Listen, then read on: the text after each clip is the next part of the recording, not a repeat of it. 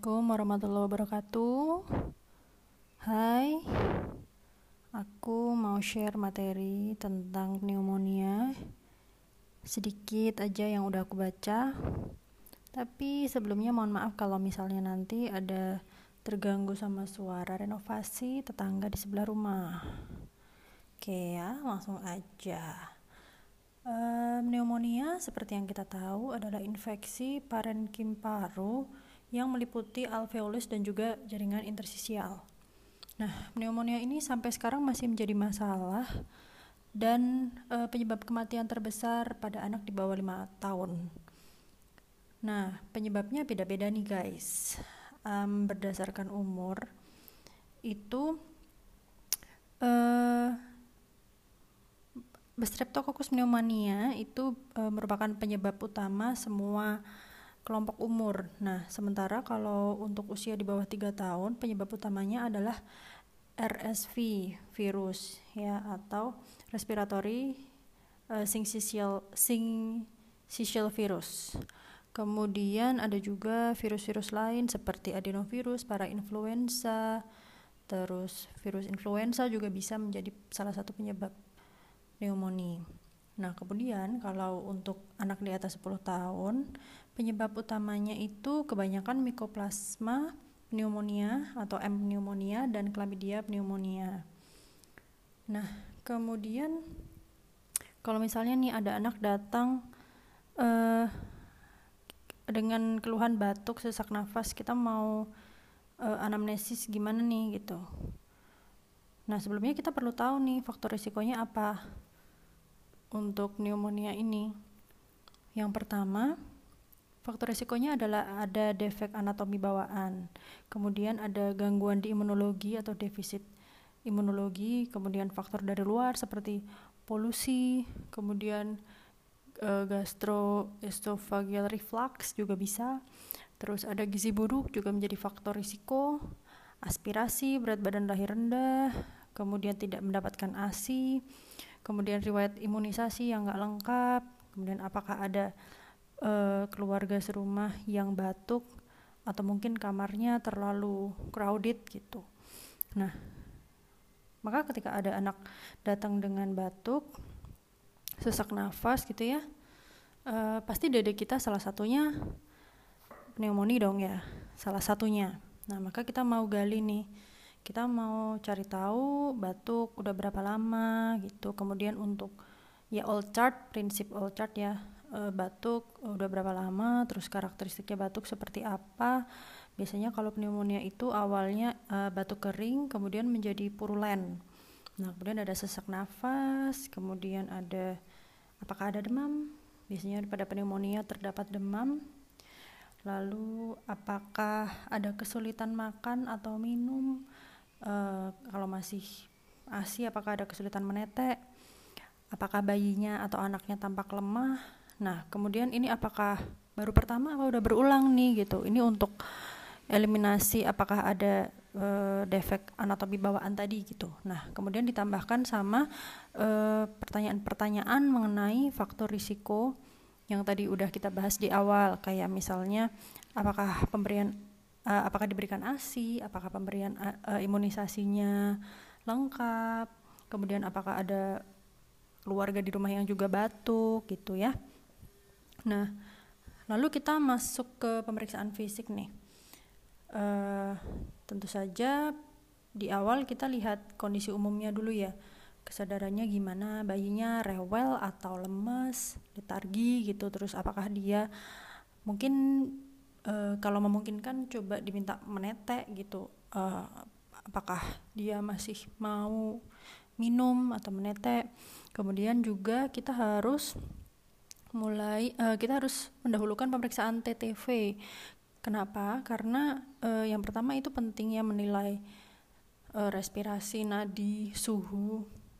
Itu diutamakan sebelum anak ini rewel gitu. Setelah diperiksa macam-macam kan khawatirnya rewel jadi malah nggak dapet gitu pemeriksaan TTV-nya nah kemudian kita mau lihat nih hmm, untuk apa namanya auskultasi apakah ada gejala distres nafas.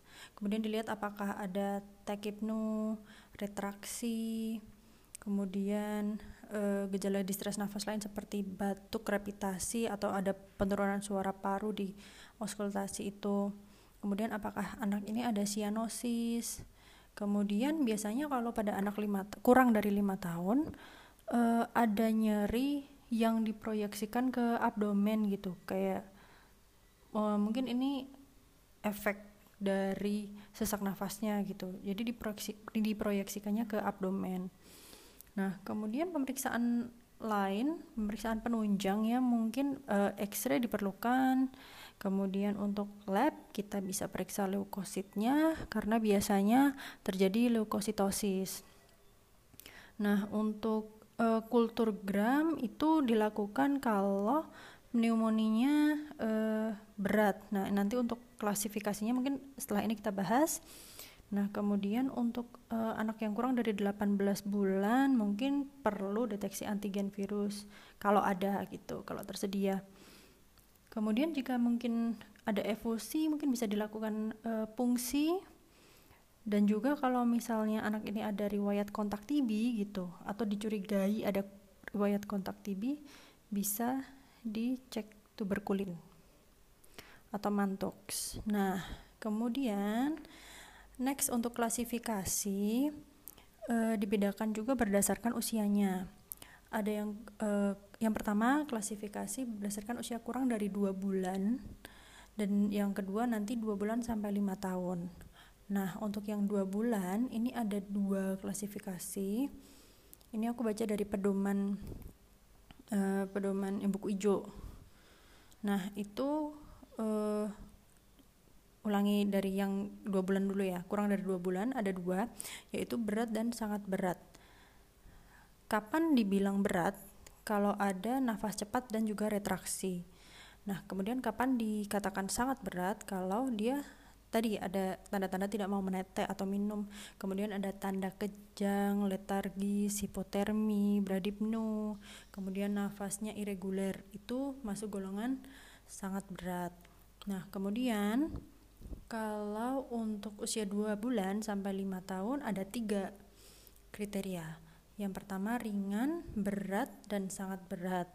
Nah kalau eh, tadi dua sekarang tambah ringan gitu ringan itu kalau nafas cepat aja. Nah kalau berat itu kalau udah ada retraksi gitu.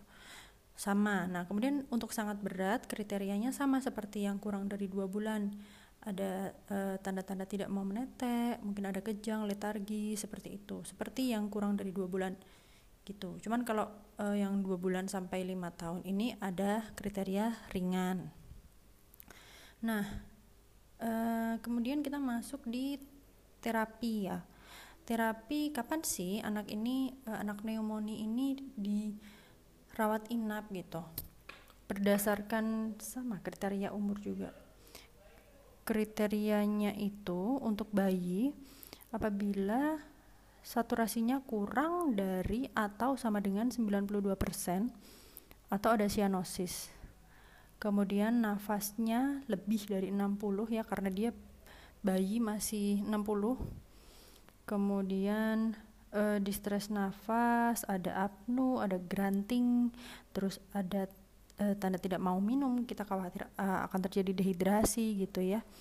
Dan juga apabila keluarganya tidak mampu untuk merawat di rumah maka kita harus rawat tuh di rumah sakit.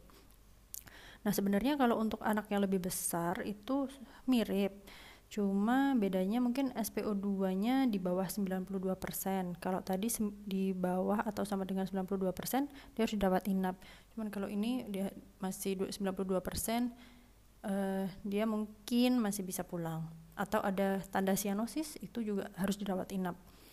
Kemudian untuk uh, nafasnya di atas 50 itu sudah tergolong cepat kemudian ada distres sama, kemudian ada dehidrasi sama, dan keluarga juga tidak mau merawat, itu juga menjadi salah satu kriteria untuk ranap. Nah, lain e, selain itu bisa juga diberikan antipiretik karena biasanya kan terjadi demam, maka kita berikan antipiretik supaya anak nyaman. Lalu kita berikan juga nebuli, nebulisasi beta 2 agonis atau mungkin bisa NaCl. Itu fungsinya untuk memperbaiki mucociliary clearance gitu, biar dia nggak sesek. Terus juga apabila kita kasih hmm, nah sal kanul misalnya dikasih oksigenasi kita harus pantau tuh rutin 4, setiap 4 jam dan juga sekaligus memantau uh, saturasinya apakah ada perbaikan atau tidak gitu. Nah, kemudian kan tadi uh, bila terjadi desaturasi itu kita harus berikan dia oksigenasi ya entah dengan nasal kanul atau dengan headbox atau dengan sungkup. Nah, kemudian kalau dia mungkin tidak bisa minum, kita harus ganti asupan oralnya jadi uh, melalui IV gitu. Nah, kemudian untuk nutrisi uh, untuk ngomong-ngomong soal nutrisi nih kita bisa berikan juga NGT. Tetapi untuk NGT ini kita juga harus hati-hati karena bisa menekan saluran pernafasan baby. Apalagi kalau bayi itu masih kecil ya saluran pernafasannya. Jadi kita harus sangat uh, apa namanya hati-hati dengan ukuran yang kita pakai gitu. Kita pakai ukuran harus yang paling kecil gitu. Uh, kemudian masuk ke nah obat apa nih yang bisa dipakai gitu kan? Utamanya antibiotik nih kalau pneumonia. Kalau untuk usia di bawah lima tahun kita hajar pakai amoksisilin gitu yang broad spectrum gitu kan. Nah kemudian juga kalau dicurigai adanya streptococcus pneumonia kita bisa pakai amoksisilin yang clavulanat lalu kalau misalnya dia itu biasanya uh, untuk di bawah dua bulan atau neonatus sampai dua bulan kita pakai ampicillin dan gentamisin ya ampicillin dosisnya 100 mg per kilogram berat badan per hari uh, biasanya kita kasih per 4 jam. Gitu. Nah kemudian kalau udah di atas dua bulan first line-nya adalah ampicillin. Selama tiga hari kita coba dulu. Nanti kalau tiga hari tidak ada perbaikan kita bisa tambah dengan chloramphenicol Ta untuk dosisnya sama. 100 mg per kilogram per hari tapi kalau chloramphenicol itu diberikannya per 6 jam itu atau empat kali. Nah untuk second line kita bisa pakai ceftriaxone. Ini adalah dosis tunggal jadi hanya satu kali sehari saja. Kemudian untuk dosisnya 50 uh, eh, miligram per kilogram berat badan per kali karena ini cuma uh, apa namanya uh, dosis tunggal gitu. Uh, nanti kita juga harus pantau untuk balance cairan supaya tidak overhidrasi ya. Nah kemudian kapan boleh pulang? Uh, anak dengan pneumonia ini boleh pulang kalau tanda dan gejala pneumonia pneumonianya hilang. Udah nggak batuk udah nggak sesak nafas gitu demamnya juga sudah teratasi gitu.